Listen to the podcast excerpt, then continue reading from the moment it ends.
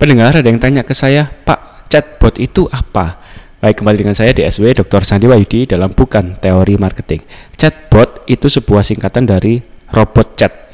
Bot adalah robot, chat adalah chatting ya, bertanya jawab. Nah, basisnya adalah menggunakan NLP, Neuro Linguistic Processing berbasis artificial intelligence. Artinya bahwa robot chat ini sebetulnya bisa belajar. Kalau kita memberikan umpan balik yang baik, dia akan semakin pintar. Kalau kita memberikan umpan balik yang jelek, dia akan semakin tidak pintar. Jadi cara kerjanya adalah dia belajar dari kita apa yang mereka pelajari adalah umpan yang kita berikan.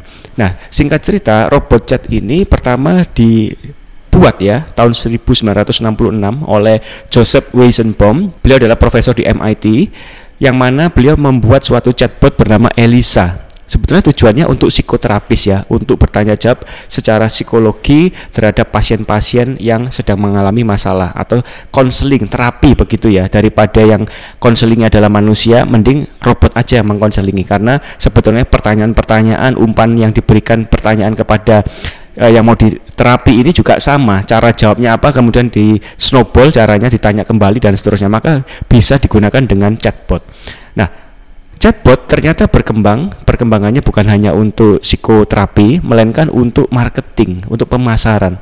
Tujuannya apa kita pasang chatbot di website kita adalah untuk menghemat waktu bagi pelanggan yang ingin tahu informasi yang sederhana. Contoh, ini kantor buka jam berapa daripada yang layani manusia, mending chatbot karena sudah tahu jawabannya apa. Kemudian harga ini ada promo enggak bulan ini. Nah, itu juga bisa dimasukkan ke dalam chatbot.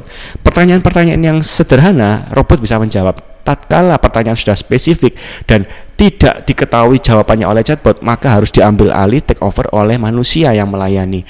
Nah, kelemahan chatbot adalah seperti itu. Memang ada plus minusnya. Nah, kalau misalnya si chatbot ini salah menjawab, maka jangan salahkan chatbotnya, salahkan diri sendiri karena kita bertanyanya salah, maka dia pun jawabannya salah. Demikian jawaban saya, semoga bermanfaat. Ikuti terus jaringan seluruh sosial media SLC Marketing saya DSW Dr. Sandi Wayudi, CEO SLC Marketing Inc., founder of Connectpedia. Sukses untuk Anda.